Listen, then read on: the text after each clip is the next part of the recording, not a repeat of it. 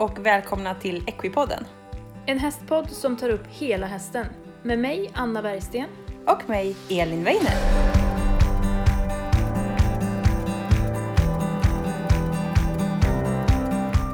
Hej och välkomna till veckans avsnitt av Equipodden. I dagens eh, avsnitt så är det faktiskt en gäst och det är inte vilken gäst som helst.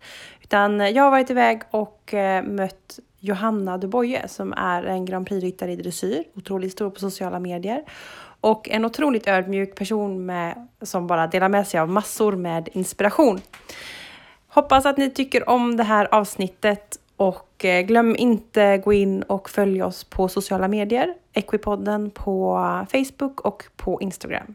Så njut av ett dressyrfullt avsnitt så hörs vi igen nästa vecka.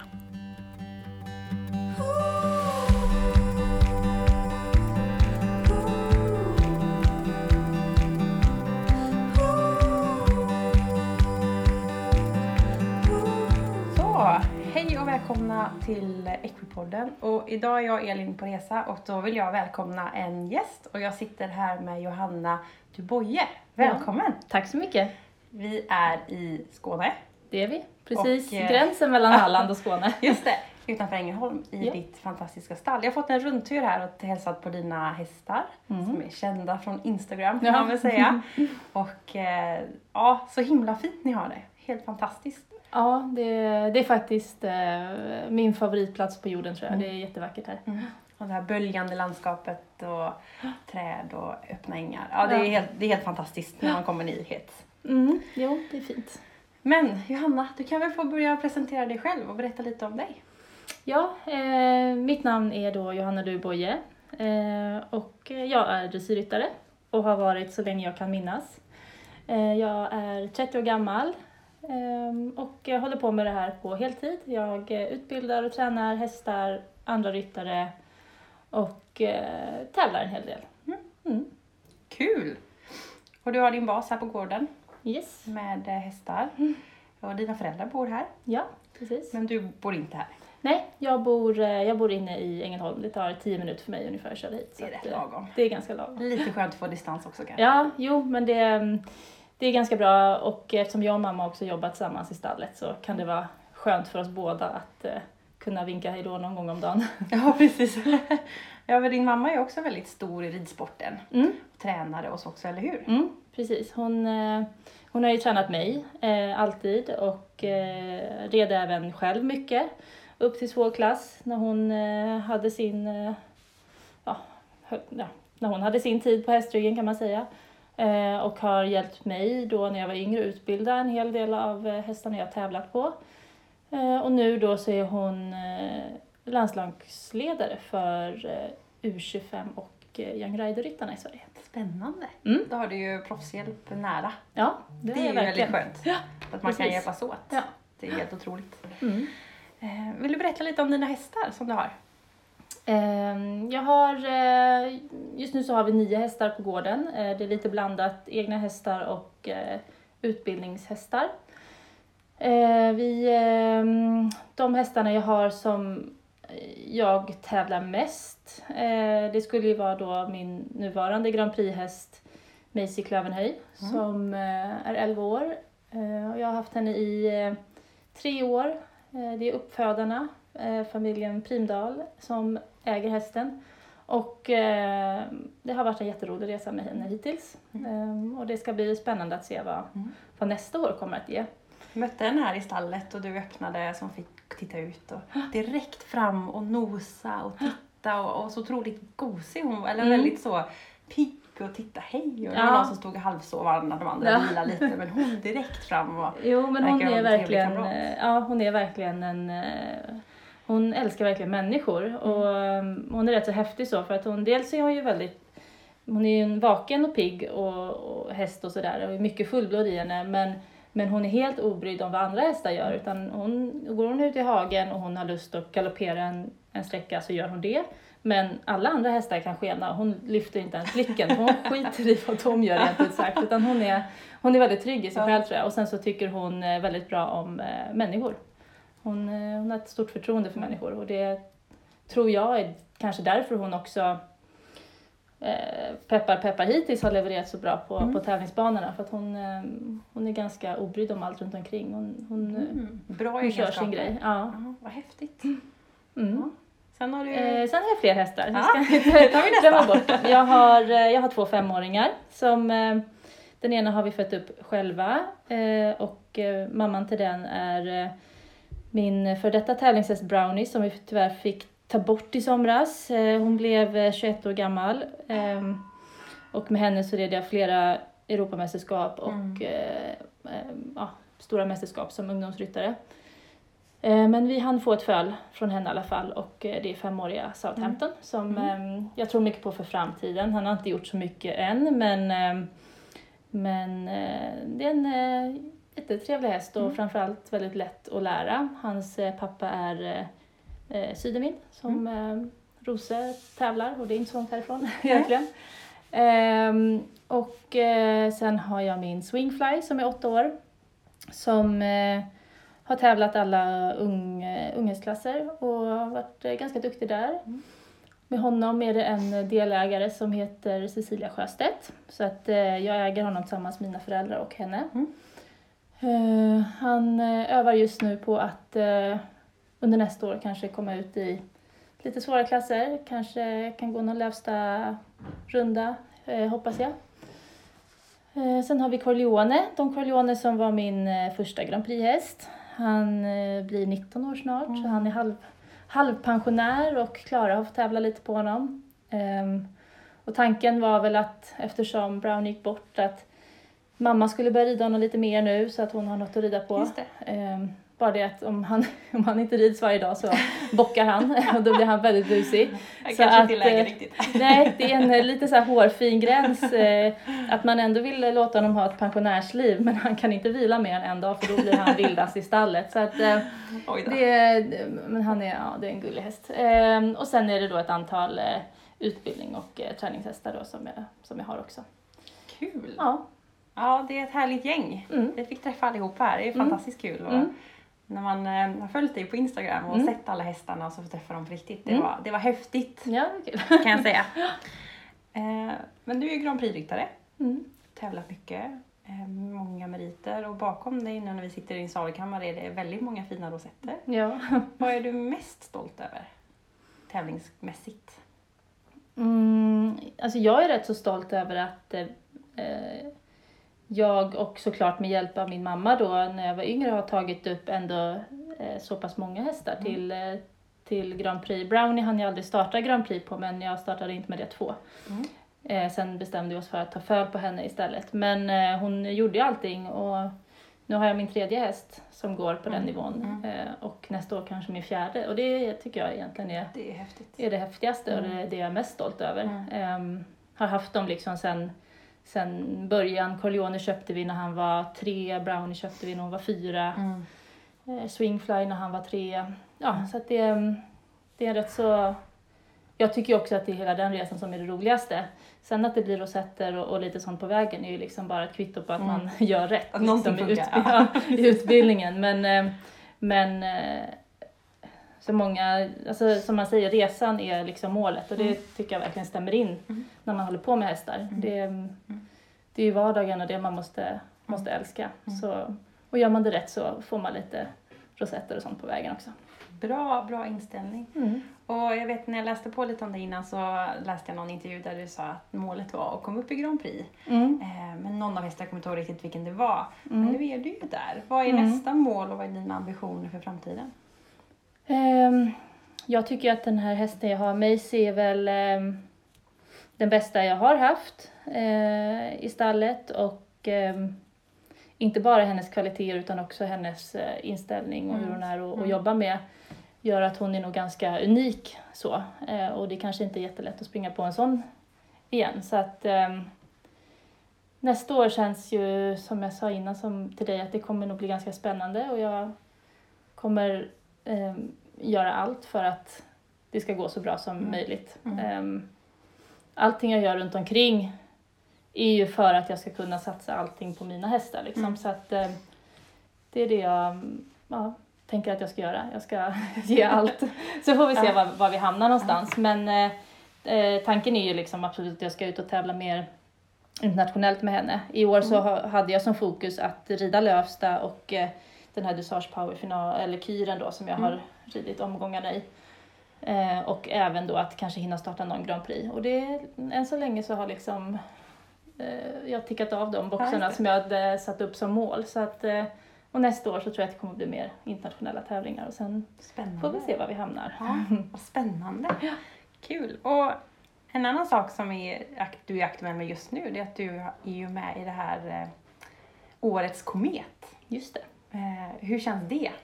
Jag tycker det, ja men alltså det är jättehäftigt. Jag, ehm, jag var ju, jag vaknade där måndag för, vad var det, två veckor sedan eller något Mm. sånt där och eh, hade ju precis kommit hem från Flyinge, kom hem ganska sent på söndagen, man är ganska trött efter en eh, veckas tävling.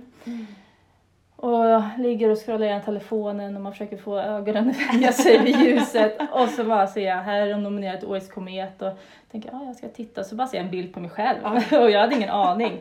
Så att eh, då flög jag upp i sängen kan jag Ja. säga. Så var jag pigg. Oh, wow, jag dagen. vad häftigt. Ja, eh, men det var alltså, det är ju liksom, eh, jag tycker bara att det känns så häftigt att eh, någon annan har sett Mm. och tycker att jag har varit duktig. och eh, under alla de här åren som jag ändå har ridit i, i något form av landslag som ungdomsryttare, det är ju liksom sedan jag var 15 år gammal och det är ju 15 år sedan, så har man ju sett ehm, sina vänner och sådär bli nominerade och det har man ju alltid tyckt var jättekul för dem. Eh, jag har nog alltid lyckats vara näst bäst. Jag har haft många SM-silver. eh, så att ehm, nu var det kul att få vara den som var nominerad. Det är du som står i rampljuset Mm. och det är ju väldigt välförtjänat. Mm. Jättehäftigt. Vi hoppas att, att det går hela vägen. Ja, det hade varit jättekul. Men Ja. eh, att vara nominerad är ju liksom bara, bara det är superkul tycker jag. Det är ju verkligen ett kvitto på att man har gjort någonting som, som du säger, som någon annan tycker om Ja. och som någon annan vill uppmärksamma. Det är Mm. ju helt fantastiskt. Och egentligen. tittar man på de andra tjejerna, eh, hopp och kvällstjärnstjejen som är nominerad Mm. så är det också superduktiga tjejer. Så att det är liksom hedrande att få vara med dem också. Ja, då är man i samma nivå. Det är ju Mm. kul. Mm. Ja, vad häftigt.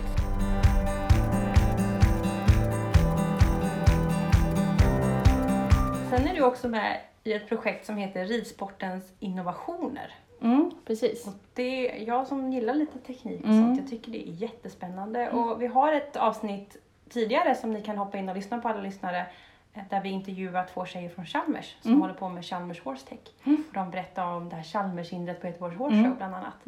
Mm. Så häftiga grejer man kan göra med tekniken Mm. in i stallet. Ja, Vill du berätta lite om eh, vad projektet är och Alltså det här, det är ju liksom ett, ehm, ett eh, vad ska man säga, en liten sidogren, eller jag vet inte vad man säger, eh, som, eftersom Saab har gått in ehm, då och sponsrar dressyren.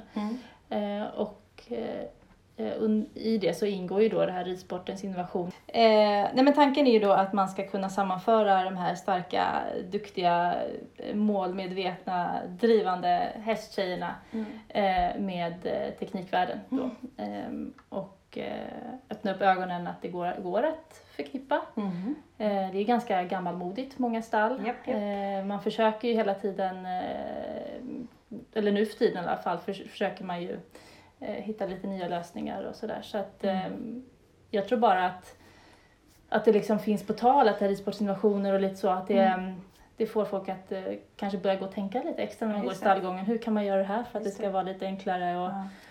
och sådär. Så att ehm, det är en ganska häftig grej. Och sen har vi ju då gjort ehm, den här ehm, serien eh, Hållbara ryttare. Eh, förra året handlade det om mental träning och i år så har vi jobbat mycket med sitsen. Mm. Och ehm, det var väldigt häftigt. Eh, vi hade tre dagar uppe i eh, Stockholm Mm. med ehm, Marie-Therese eh, som är mm, från Norge då och sitsforskare och superduktig på det hon håller på med och Lars Ropstoff som är veterinär. Och ehm, vi fick göra massa olika övningar och ha på oss olika sensorer och ehm, ja, fick jättebra hjälp med sitsen och eh, ny inblick i hur man kan tänka och Mm. sådär. Så att ehm, det är det som man har fått se nu då på, på Ridsportens innovationers eh. Facebook-sida. Mm. Ehm, ja, det blev väldigt bra filmer tycker jag. Mm. Det är såklart ganska komplicerat Men Ja. ridning och dressyr är komplicerat. Ja, Och ska man då koppla in lite extra parametrar så... Men, eh, men jag, tror att, eh, jag tror verkligen att man kan få någonting med sig av, Mm. av att titta på det. Mm. Verkligen. Ja, jättehäftigt när man sätter sensorer och ser i millimeterform Mm. liksom, och när man tar in forskningen. Och, Mm. det är som du säger, ridsporten är lite gammalmodig Mm. och oftast är det sådär någon gammal stallgubbe som Mm. har sagt samma sak i 30 år och så kör man på det i 40 år Mm. till. Och, alltså att man nu istället får den här forskningsbaserade grunden och att man kan jobba vidare och hitta detaljerna. Alltså Mm. sånt tycker jag är jätteintressant. Precis. Så spännande. Mm. Och det är som jag säger, ridsporten, eh, vi är mycket kvinnor, vi är Mm. också grymma, Mm. många utbildar sig. Mm. Använd det ju och applicera här. Mm. Det, är ju, det, kan, det kan hela sporten vinna av Ja. såklart. Verkligen. Jättespännande. Mm. Nu Hanna tänkte jag fråga dig hur din dag ser ut. Eh, Min dag ser som vanligast ut att eh, jag brukar komma till stallet vid åtta. Då har hästarna fått frukost vid sju. Mm. Eh, Och eh, då hjälper jag till med eh, det sista fixet av eh, stallskötseln innan jag börjar rida. Sen rider jag väl en sex hästar. Mm. Eh, Och eh, ja, det är då alltifrån femåringar upp till Grand Prix-hästar. Eh, Så runt sex hästar rider jag väl om dagen och sen eh, någon gång vid eh, fyra tiden på eftermiddagen så brukar mina träningar börja. Mm. Och sen håller jag mig väl i ridhuset till nio på kvällen. Med många träningar varje dag. Eh, och ehm, sen så är det kvällsfodring och sen så åker jag hem. Mm. Så det är väl ungefär så en dag ser ut. Mm. Ehm, för mig. Det är rätt fullt. Det är ganska fullt schema. Ehm, Jag har ju eh, en duktig anställd som eh, avlastar mig en del. Så Skönt. att det är toppenskönt. Men eh, det blir långa dagar ändå. Mm. Så är det ju. Mm. När du, när du rider sex hästar, Mm. hur väljer du vilken ordning det ska vara? Det har jag alltid funderat på.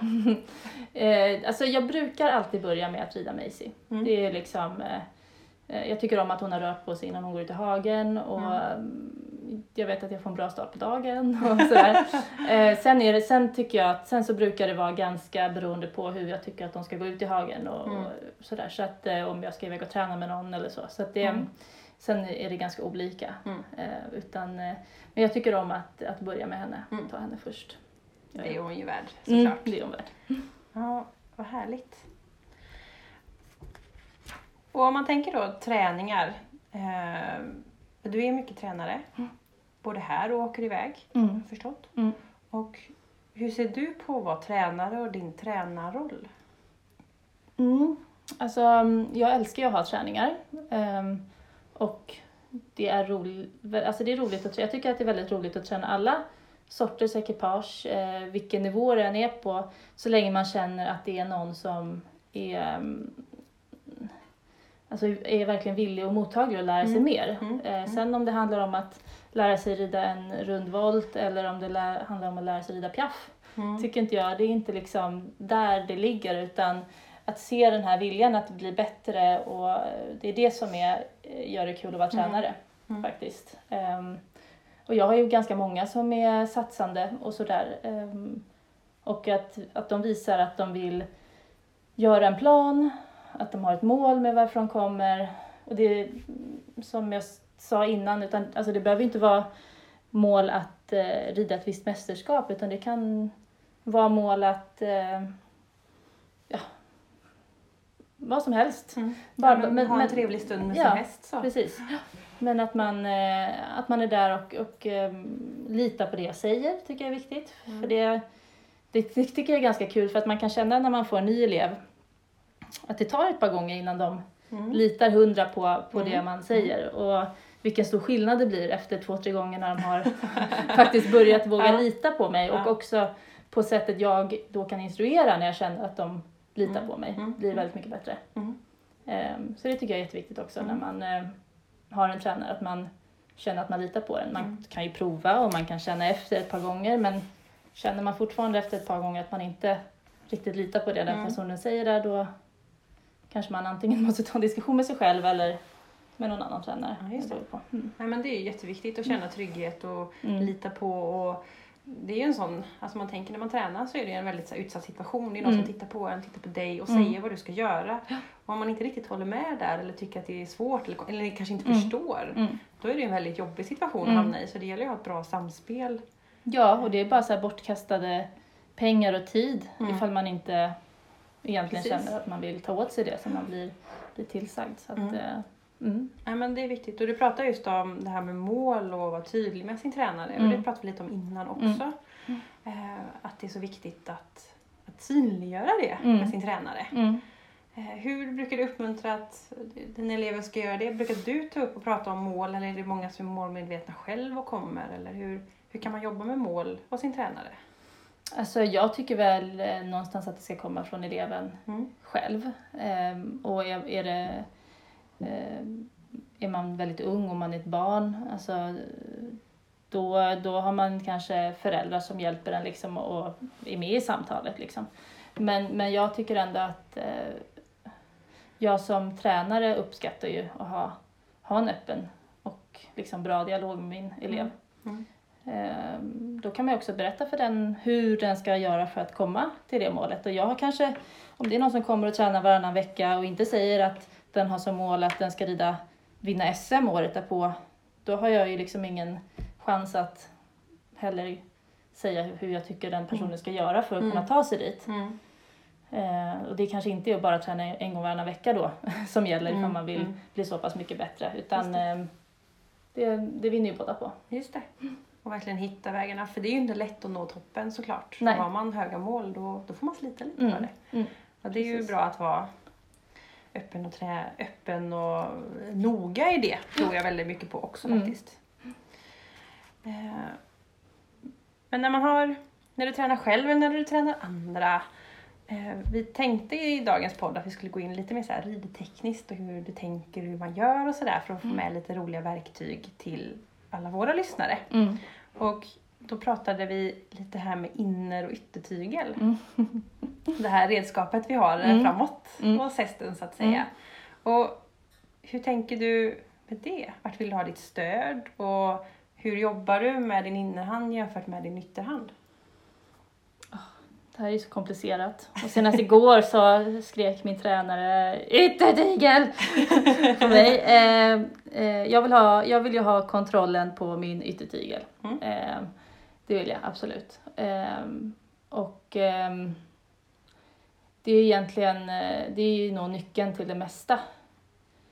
Eh, och det är ju någonting jag känner att jag får jobba på hela tiden. Ehm, jag tycker vissa rörelser, jag tycker travslutor är supersvårt. Mm. Och jag vet att jag, de är supersvåra för mig för att jag drar för mycket innertygen. Mm. Jag ska, så att alltså det, och, ja, det är ju det är i alla fall ett steg på vägen att jag vet vad jag gör för fel. Sen att hjärnan ska koppla det till kroppen och även när man sitter häst, det är ju liksom svårt. Men, ehm, men eh, vi har väl alla våra liksom eh, eh, akilleshälar och det är väl just min.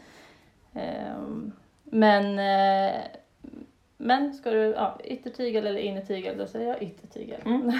Där vill ha ditt stöd. Ja, se- sen vill man ju helst kanske ha ett, ett ganska jämnt stöd, Mm. men, eh, men man vill ju känna att man har kontroll Mm. med hjälp av yttertygeln. Hålla hästen lite i handen kanske. Du känner att den är, Mm, ja, ja, den är med. ja. Mm. Vad gör du med din innertygel då? Vad gör jag med min innertygel? Gud, det här, nu sätter du mig verkligen liksom Ja. på, nu får jag ju verkligen tänka här. Ehm, med min innertygel så, alltså det är ju samma, jag, jag vill ju heller liksom inte bara styra för min innertygel heller, utan jag vill ju kunna styra för mina ytterhjälper, Mm. min ytterskänkel. Mm. Ehm, så att innertygeln har väl inte jättestor Mm. eh, inverkan egentligen. Mm. Jag menar inte att jag rider på lång innertygel, men, men eh, just det här att jag kan eh, både styra för mina ytterhjälper och forma för min innerskänkel. Sen så är innertygeln är inte liksom, Mm. det är inte den som är... Det är mer din sits och dina Mm. eh, ben, Ja, eh, om man ska precis. säga så, Mm. som du hjälper din häst att Mm. komma åt rätt håll. Mm, det är målet i alla fall. Ja. Sen kan man fastna i den där innertygeln ändå. precis. Då får man bara usch, Mm, slappna av. mm, Det är väl det vanligaste. mm, Jag tror det. Men Mm. man har ju som människa kanske lätt att hitta, eller att man det blir skumpigt om man hamnar ur balans och så Mm. kanske man lätt tar tag. Jag vet inte. Ja, alltså det, det, det är ju så svårt att rida och man ska inte Ja. tro att det är lätt för någon. För det är det faktiskt Mm. inte. Och Det, precis som du sa här att, att det är en sak att mentalt veta om det och faktiskt Mm. fysiskt göra det Mm. på en skumpande häst Ja. i fart. Och det är ju jätteintressant om man då går tillbaka till det här som vi gjorde i, i eh, Stockholm Mm. eh, med Marie-Therese. För då fick vi ju göra allting avsuttet först och sitta på en pilatesboll. Mm. Eh, och jag fick ju då träna min, eh, jag fick träna min galoppsax. Eh, Ah, vilket från jag... pilatesbollen. Frå- På pilatesbollen. Nej, så jag fick liksom gunga i galoppen. Jag fick inte titta, jag var tvungen att blunda. Ja. För att eh, då blir man eh, ännu mer utsatt, eh, liksom, Mm. att man är tvungen att tänka på sin balans och så. Mm. Eh, och eh, jag hade ju så mycket svårare att rida eh, slutan till att liksom hålla ordning på min kropp när jag skulle göra slutan och det till höger. Mm. Till vänster så, så behöll jag mycket bättre position Mm. när jag satt på min pilatesboll och till höger så roterade jag, liksom, eh, roterade jag runt bäckenet. Jag, Mm. jag tappade väl typ balansen kan Ja, man säga och, och tappade kontrollen. Ja. Ehm, och det vet ju jag med mig att jag är sämre på att rida slutor till höger och jag är även sämre på att göra galopppiruetter till höger. Mm. Så att jag har ju liksom, eh, och det, det var precis det hon såg. eh, Mm. Och då har du din rotation i höften då som... Jag, tror, jag, alltså jag vet inte, det är väl att jag tror inte att jag har svårare än vad någon annan har. Det var bara att Nej. det, liksom, det är som att man är höger och vänsterhänt och man har lättare liksom åt något håll. Ehm, Millimeter såklart, men Ja. att man ändå kan Ja. se att vad det är. Det och är tittar man liksom i mina, mina protokoll när jag tävlar så är det inte så att jag har underkänt på ena och jätterätt på andra. Utan det är nog inte, det är inte så stor skillnad där egentligen. Men, men eh, just när man plockar av en från hästen Mm. så ser man så tydligt Mm. eh, den lilla skillnaden man Just det. kanske gör. Vad är hästens problem och vad är ryttarens problem? Mm. Och hur för man dem samman? Ja, precis. Och, man rider ihop med sig med sin häst. Mm. Dina hästar är kanske också lite mer Mm. åt det hållet. Absolut. Och det ja, intressant. Mm. Eh, om vi går vidare då till lite högre skolor och tänker lite på samling. Mm. Eh, det kan ju vara lite svårt. Mm. Och ibland möter man lite hästar som kan vara lite överambitiösa när det gäller samla och som samlar sig kanske innan de egentligen är på den nivån Mm. och, och vill och gör för mycket och Mm. det blir liksom stopp och det blir liksom, Mm. de tappar. Hur tänker du, hur ska man kunna göra en sån situation med en häst? Jag tycker alltid att det är väldigt viktigt att uppmuntra eh, när de är överambitiösa och inte liksom, hästen ska ju inte veta om att den gör fel för att den gör för mycket. Mm. Det ska ju liksom inte bli en ångestladdad eh, Mm. grej kring att den försöker mer än vad den klarar av. Mm. Eh, utan man får ju snarare försöka avleda liksom, eh, på något sätt. Ett exempel är ju just den här Maisie som är väldigt ambitiös eh, Mm. och tycker inte om när hon gör fel. Mm. Eh, för då blir hon stressad. Mm. Eh, Hon har ju haft väldigt lätt för samlingen men jag har ju också varit otroligt noga med att bara leka med det fram till jag har känt att hon är tillräckligt stark. Och lite också därför jag inte har velat, även om hon har kunnat göra alla saker i Grand Prix, kanske under typ hela det här året, Mm. så jag har inte velat sätta henne liksom på pottkanten och säga att nu ska du göra 15 steg på stället Mm. på tävling. Mm. Utan det har liksom fått komma lite smygande. Mm. Och då tycker jag det har varit jättebra med den här lövstaturen där de rider in, man rider inte med det två. Och det får vara lite, liksom alla saker men det är lite mer på Mm. bebisnivå liksom. Just det. Lite större ramar. Precis. Lite mer okej. Ehm, men ehm, ja, alltså jag, jag tror bara att det ehm, det viktigaste man, man ska göra det är att ehm, uppmuntra och försöka avleda skulle jag Mm. säga när de vill göra lite för mycket. Mm. Och det är egentligen kanske i alla rörelser. Mm. Att man liksom låter det gå lite granna Ja, så. ja jag tror faktiskt det. Ehm, och många av mina hästar tycker jag tycker om att, att rida mycket. Vi sitter och tittar ut över våra fält här. Ja. Eh, där tycker jag liksom att man får en väldigt naturlig eh, framåtbjudning och bjuder dem till att eh, piaffa eller passagera lite där så får de gärna göra det. Mm. Så kan man ju liksom vänta tills det är tillräckligt starkt och eh, bra innan man tar med det in på banan till Mm. exempel. Mm. Innan det blir kravet. Så. Mm. Hur känner du att hästen är tillräckligt stark och hur vet du att den är redo för nästa uppgift? Så det, känner, det ska jag väl säga att jag, det tycker jag väl att jag känner som, Ja. som ryttare. Mm. När det inte känns jobbigt att be om det liksom, Mm. och den gör det lite av, av egen vilja så, Mm. så är det ett tecken på att den är tillräckligt stark Mm. för det. Då har du varit och lekt och testat lite och Mm. känt och sen Mm. att det funkar. Ja, Det vad skulle jag vilja intressant. säga. Ja. Och om man tänker nu då på att lägga upp sin träning oavsett vilken nivå man ligger på, men att det är ju, vi pratar mycket om mål och att man ska ha tydlighet i sin träning. Hur lägger du upp träningen för dina hästar? För du har ju både några som är 20 eller 19 där och så några som är 5. Ja. Det är lite olika. Ja, ehm, jag har ju tur som har min mamma som liksom tittar på mig Mm. eh, nästan varje dag om jag ber henne om det. Mm. Ehm, så att ehm, just unghästarna, de rids ju såklart mer ju äldre de blir. Och får eh, någon sammanhängande vila. Eh, man fick ett par veckor under sommaren och Mm. kommer få vila lite kanske över eh, jul och nyår. Eh, men ehm, de äldre hästarna så lägger jag ju inte in någon, någon vila så på det sättet utan eh, på Maisie om hon har varit och tävlat flera dagar så kanske hon får någon dags vila och sen så kanske jag rider ut Mm. lite extra en vecka och, och jag liksom låter henne vila från banan mer än att kroppen får vila. Lite mental Ja. Mm. Ehm, för hon mår ju bra av att röra på sig. Mm. Så får man bara försöka variera det och att, eh, Mm. att hon liksom får vila, vila hjärnan från eh, vita dressyrstaket. Liksom. Ehm, och liksom på den nivån som de hästarna är, det kan ju liksom smyga sig på någon, någon ofrivillig vila ändå. Man behöver vaccinera en gång i halvåret när man har hästtävling internationellt. Då ska de ta det lite lugnare. Mm. Man åker på veterinärkontroller. ehm, alltså det, det finns ju någonting som kanske gör att de får Mm. en, en vila ändå. Mm. Ja, vi mötte en av dina hästar som hade smält till sig själv i hagen. Ja, det hade precis. sitt två stygn. Ja, Ja, det är exakt. också... Ja. Då, då får han ha lite, lite halvvila någon Ja. vecka här. Så att det, ja. Det Det är så, de, de, ja, de drar av sin sko i hagen. Och så. Alltså det, jag tycker det smyger sig på lite sådana extra dagar här och där. Mm, Ehm, mm.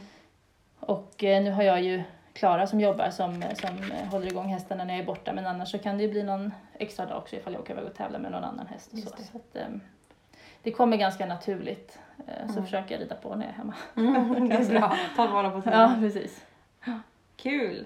Och som du säger när du åker iväg och tävlar, hur, hur tänker du när du ska ladda upp? Jag tänker bara dig själv nu. När du ska Mm. ladda upp inför en tävling, har du några konkreta Eh. tips? Vi intervjuade eh, Pontus Hugosson och han Mm. målade upp sina bilder och Mm. eh, musik och hur han laddade upp. Det var Mm. väldigt så här, Mm. spännande. Har du något som du gör? Ehm, alltså jag brukar försöka, liksom, när jag har en, när jag, när jag, jag börjar egentligen eh, med Maisie då så har jag väl, då börjar liksom hela den veckan egentligen innan jag Mm. åker.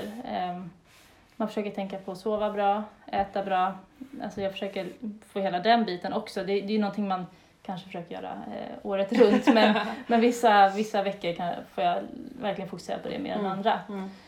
Eh, och, eh, så det försöker jag ju verkligen göra. Eh, och sen, eh, sen brukar jag inte ha med mig någon hästskötare utan just det här liksom fixet man gör kvällen och eh, timmarna innan man ska tävla är min uppladdning. Mm. Så, ehm, jag försöker eh, gå igenom programmet själv. Jag vill vara ganska mycket i fred tror jag. Mm. Mitt sinnesstämning ska vara liksom noll. Ja, om man säger så. Jag vill Mm. varken vara pigg och, alltså jag vill inte varken vara glad eller arg. Jag vill bara känna mig ganska nollställd. Mm. Ehm, och det vet min sambo och mina vänner och de jag umgås med och min familj att jag vill liksom inte, Mm. ska jag tävla även om det är på eftermiddagen och jag hela förmiddagen så vill jag ändå inte tjoa Mm. och tjimma liksom, utan jag är ganska så, Mm. hitta ett nollläge. Mhm. Så att, eh, ja.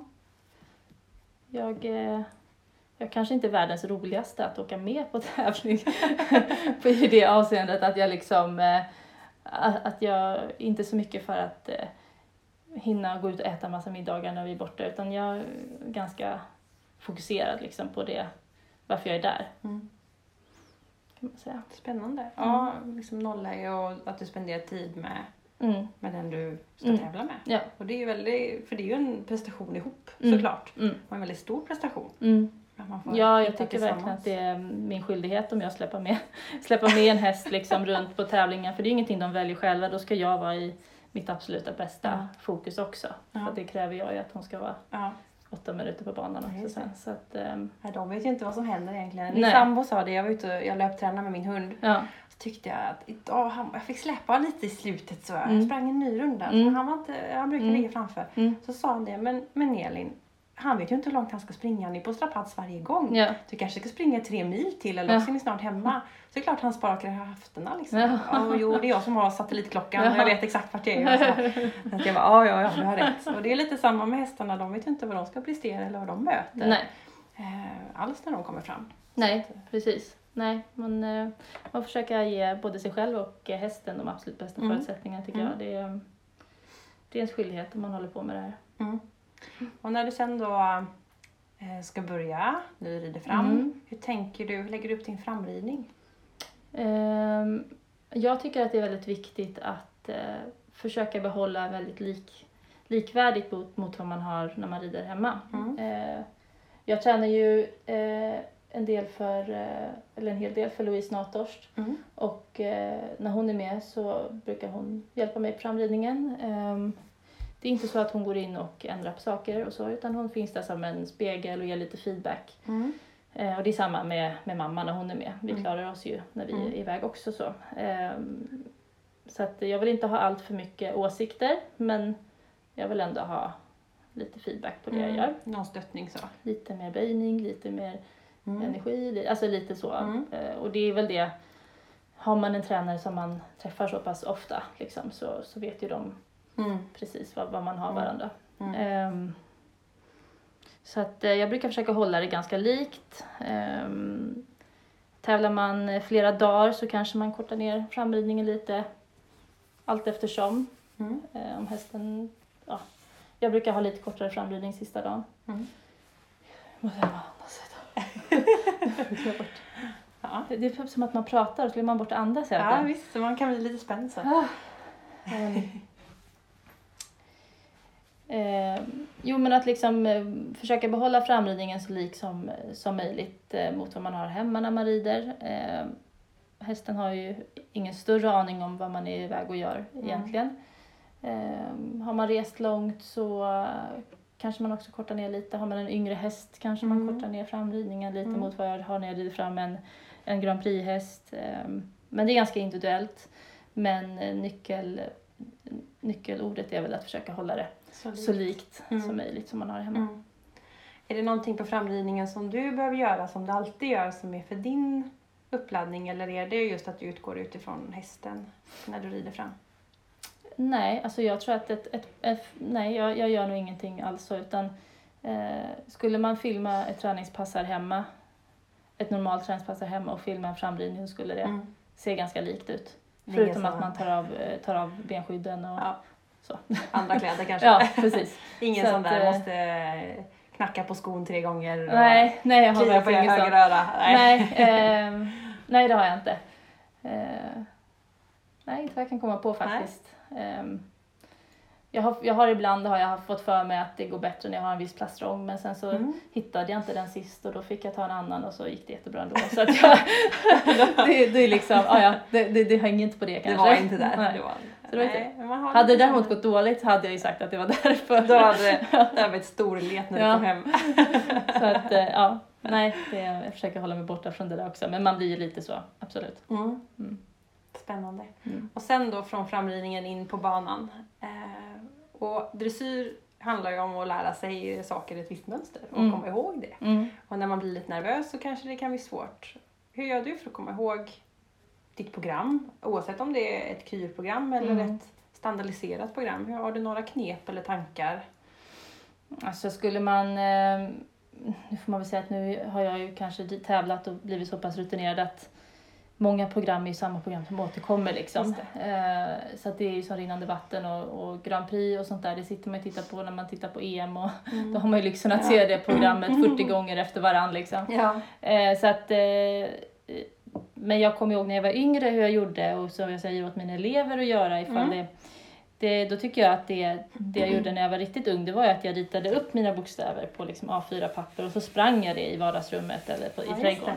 Och det gjorde jag, gjorde jag ganska länge kommer jag ihåg. Liksom. Mm. Ehm, sen så brukar jag alltid nu för tiden då, nu gör jag snarare så att jag när jag kör bilen så gör jag pa pappret eller Mm. mobilen där programmet är till eh, den som åker med. Ifall jag har någon med sig. Nu ska jag gå igenom programmet säger jag. Ja, Så får du titta så jag säger rätt. Ja. Så det är väl liksom så Mm. jag gör. Och det kanske jag gör ett par gånger liksom Mm. under dagen om jag ska tävla. Mm. Så man checkar av sig själv. Ehm, och eh, finns det möjlighet, om man inte startar för tidigt, så brukar jag försöka gå in och titta på någon av Just mina konkurrenter. Och det kan vara rätt så bra att se banan man ska tävla på också. Ja. Så man liksom har den i huvudet när man går igenom Ja. programmet. Mm. Det är rätt så smart. Man ser vad är det för dekoration och staket och hur ser Ja, det ut så man liksom har rätt, Och... ja, Mm. så har man liksom rätt, eh, rätt bild i huvudet när man eh, tänker hur man rider på medellinjen och svänger höger och så just då den där blå blomman där ska jag. snett igenom. Precis, lite så. Mm. Blir du nervös när du tävlar? Mm, lite nervös kan jag bli. Det är bra. Man måste ju vara lite nervös. Mm. Ehm, men jag brukar liksom, eh, jag tyckte jag, jag blev lite nervös i Flyinge, Mm. i eh, Grand Prix tror jag det var. Eh, just för att det är lite så här, det har varit lite skört det programmet för att det har varit lite svårt. Mm. Vi hade jag krypit fram lite missar för att eh, Mm. Maisie blir lite uppjagad. Mm. Ehm, men så har det liksom funkat hemma nu ganska, ganska många månader. Eh, och då tänkte jag nu måste jag liksom få till det på Ja, banan det. också. Ja. Så att det inte blir en sån här grej som funkar hemma men aldrig på banan. Ja. Så det var jag lite nervös för just själva den delen liksom. Sen kände jag att mina ben kanske var lite spaghetti när jag fick startsignal. Mm. Och så brukar jag bli förbannad på mig själv. Och även där tänker jag liksom att liksom skärp till det nu för hästens skull. Hon Mm. har ju liksom ingen aning. Mm. Ehm, och någonstans där så brukar jag liksom kunna hejda mig så att, det Ja, inte, det. så att det inte rinner över. Ja. Ehm, och sen är det ju så otroligt mycket som händer när man rider en Mm. Grand Prix. Så att är man inte fokuserad och är man för nervös så går det åt skogen. Så Ja, man får just det. helt enkelt försöka sålla bort det där och bara fokusera på, Ja. på varje rörelse. Hitta sig själv. så. Ja. Ja. Ehm, så att eh, annars har jag liksom aldrig, vad jag har känt, blivit nervös på ett, på ett dåligt sätt. Utan Mm. lite sådär, ju mer press, desto mer fokuserad blir jag. Då hittar du ditt fokus. Mm. Ja, det är klart viktigt. Det måste man ju verkligen ha. Mm. Eh, och, alltså, dressyr är ju en bedömningssport. Mm. Och det, ja, det var någon sån där, jag hörde någon sån där, ja dressyrryttare de är ju helt snurriga i huvudet när de väljer att ställa sig framför någon som ska bedöma Mm. precis vad de gör och eh, att vilket, vilken styrka och vilket mod det egentligen är. Mm. Har du upplevt mycket att, att dom, domare dömer olika eller att du har känt någon gång att det här, att undviker du någon domare eller tänker du på det eller hur tänker du där? Alltså det är klart att man har upplevt eh, att domare dömer lite olika. Mm. Det, det har nog alla upplevt någon gång. Mm. Ehm, och någon gång kanske man tycker att man fick lite, lite, lite för lite poäng. En annan gång kanske man tycker att man fick lite för mycket poäng. Ja, det är bra. Ehm, men eh, det jag tror är, är viktigt det är att man kommer ihåg att domarna är liksom bara människor. Mm. Eh, det är lätt att missa någon liten grej. Mm. Ehm, och förhoppningsvis så sitter de där för våran skull för att vi ska kunna bli Mm. bättre. Mm. Eh, det får man intala sig själv i alla fall. Och har man några frågor så tycker jag att man ska kanske våga fråga den Mm. domaren också. Ehm, men annars så har jag väl aldrig liksom jag har aldrig känt att jag tänker inte åka på den tävlingen för att den domaren dömer där. Mm. Jag försöker, nå- jag försöker liksom tänka att jag får bara se till att bli så pass bra att det inte finns någon tvekan Mm. om det. Liksom. Och det är lite det jag liksom försöker Mm. tänka. Mm. Eh, när jag är så pass bra att, att jag är bra, då kommer jag få de poängen Mm. också. Det är en väldigt bra inställning. Ja. Att man ska leva på, alltså vara trygg i Mm. och hur duktig man är själv och det slitet man har gjort och att Ja. det kommer att löna sig. Ja. Det, det gillar jag. Mm. Det får ju man verkligen ta med sig, Ja. Tycker jag. Mm. Sen liksom, ja, alltså det är möjligt att eh, precis som jag sa, domare är liksom bara människor. När de har sett den ett par gånger då kanske det börjar liksom det är som när man hör en låt första gången kanske man Mm. inte tycker den är jättebra, sen kanske man älskar den. Så jag vet Ja. inte, det är, det är möjligt att, att det är liksom den mänskliga faktorn som gör att det är eh, när domare börjar känna igen liksom, Mm. inte det att, Mm. att eh, det kanske bara är liksom blir så, det vet jag inte. Mm. Men jag, jag tycker i alla fall att det blir tillräckligt bra så att Mm. det inte finns någon tvekan om att Mm. eh, det är en åtta istället för en sjua. Liksom. Grymt. Mm. Ja, det, kan, det är nog lite svårt det där att vara opartisk när man är domare, när man träffar stjärna efter stjärna. Jag tänker Mm. på de här riktigt höga när man Mm. tittar. Det är liksom, och det, och många rytt, eller det som är så fantastiskt i dressyren också, eller ryttare överallt, det är Mm. att många kan leva eller hålla på med sin sport i Mm. många år. Det är inte så många sporter där man faktiskt kan göra det. Nej. Eh, Och att de kommer år efter år Mm. vara finare och finare Mm. hästar. Det blir liksom det här, Och det var så Det- kul för jag träffade ju Tinne nu när vi var ja, i Flyinge och hon tyckte att det såg så fint ut och Ja. sådär. Och hon sa ja, och liksom att du kanske skulle vara värd något poäng till någonstans men, men eh, du får göra som jag liksom. Ibland så tycker någon kanske att jag får för mycket poäng. Men jag har ju också kämpat i alla år för att få det där extra poänget. Och det får du också göra, sa hon. Och det och det, jag håller med. Jag tycker att, eh, sen om det liksom är så eller inte, men, men, eh, ja. men eh, man får, det, det jämnar nog ut sig i slutändan, det är det jag vill Precis. komma till. Ibland får man lite för mycket, ibland får man lite för lite, men eh, i slutändan så blir det nog ganska Ja. rätt ändå kanske. Det är nog väldigt lågt, eller väldigt sant. Mm. Det tror jag. Mm. Då tänkte jag byta ämne lite grann och gå in och prata lite om sociala medier. Mm. Eh, Sociala medier är stort och en eh, väldigt stor del av allas vardag Mm. idag. Och det är ju Mm. ett sätt att nå ut till väldigt mycket människor. Mm. Det är väldigt intressant och du har ju väldigt stora kanaler på sociala medier. Mm. Du lägger upp mycket både på story och på flödet eller vad man ska säga, Mm. på din profil. Och, eh, det kommer ju mycket forskning kring stress och press Mm. och likes och Instagram till exempel. De Mm. diskuterar ju att ta bort eh, antalet like just för att eh, många men influencers och så mår dåligt och får stress och man lever på de där likesen och Mm.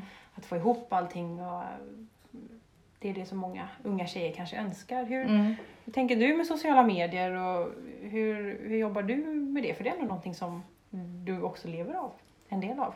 Ja, eller alltså det, det, det, ehm, det är ingenting jag lever av. Mm. Eh, jag lever med. Ja, lever med. Ja. så jag kan inte säga att jag lever av det. Eh, eh, så, så skicka har jag i alla fall inte lyckats eh, bli än när det kommer till att förhandla. Det är kanske är det det hänger på. Men, eh, men jag tycker att det är, jag tycker att det är en kul, kul grej med sociala medier. Mm. Eh, jag försöker hålla en ganska lättsam Mm. stämning och ehm, ehm, men jag har ju förstått även om jag inte själv är drabbad av att det sätter mycket press och, Mm. och stress hos kanske både unga och kanske även äldre influencers då, Mm. som kanske just lever av det för att Mm. det är väl det som gör att det kanske blir lite press på att Mm, eh, leverera och, Mm. och sådär. Eh, för min del så är det mer en, jag tycker det är en kul grej. Ehm, och jag tycker att det är kul att fota. Och jag älskar eh, att bli filmad för jag sitter och analyserar mina Mm. filmer om och om igen. Eh, och eh, så tycker jag att det kan vara kul att visa det som Mm. jag tycker ser bra ut. Så att det är liksom lite mer på den, den nivån. Mm. Eh, sen att det har blivit liksom större och att folk tycker det är kul att följa mig, det är Mm. egentligen bara en kul, Mm. kul grej. Mm. Ehm, men eh, jag har aldrig tänkt och jag, det är inte det jag vill leva av. Liksom. Det är inte så att jag sitter i timmar i eh, veckan och försöker leta upp samarbeten för att jag ska tjäna pengar på det eller lägger ner eh, jättemycket tid. Jag tror vissa tror att jag lägger ner mer tid än vad jag gör. Mm. Men när jag sätter ihop en film med lite häftig musik, det tar mig liksom fem minuter. Ja. Medan jag är på toa eller något. Så det går jättefort. Ehm, så att eh, egentligen så, så är det mer en kul grej. Kul! Mm. Det är ju viktigt. Och tänker till alla som lyssnar sådär som vill ha eh, mycket så att man hittar en distans och just tycker att det är en kul grej och inte Mm. känner att det blir en press och stress. Mm. Har du, eh, brukar du stänga av telefonen på kvällarna eller har du något, försöker ha distans också till sociala medier eller har du mycket pushnotiser? Hur tänker du där? Ehm, jag har väl stängt av det jag har stängt av är väl eh, alltså att jag inte ser när jag får likes. Mm. Eh, men kommentarerna ser jag. Mm. Eh, sen är- tycker jag det är lite läskigt eftersom när man håller på med hästar och har hästar så vågar inte jag stänga av telefonen Mm. för jag vill ju vara liksom nåbar om det Mm. skulle vara något som händer. Ehm, så att på det sättet stänger jag inte av. Men jag... ehm, alltså det, det är klart att man är... på något sätt lite beroende av sin telefon. Ja. Det, och det, det är man ju av många anledningar. Liksom. Eh, jag har alla mina elever bokar sina träningar Mm. via, jag har en Facebookgrupp liksom, så att Mm. där, det är där man bokar upp det. Och, så att, eh, man är ju väldigt liksom, anträffbar hela tiden, på gott och ont. Mm. Och det är klart att jag ibland känner att jag bara vill skicka telefonen åt skogen. Liksom. Eh, men, men av säkerhetsskäl vill man också vara Mm. nåbar hela tiden. ja, såklart. Ehm, mm.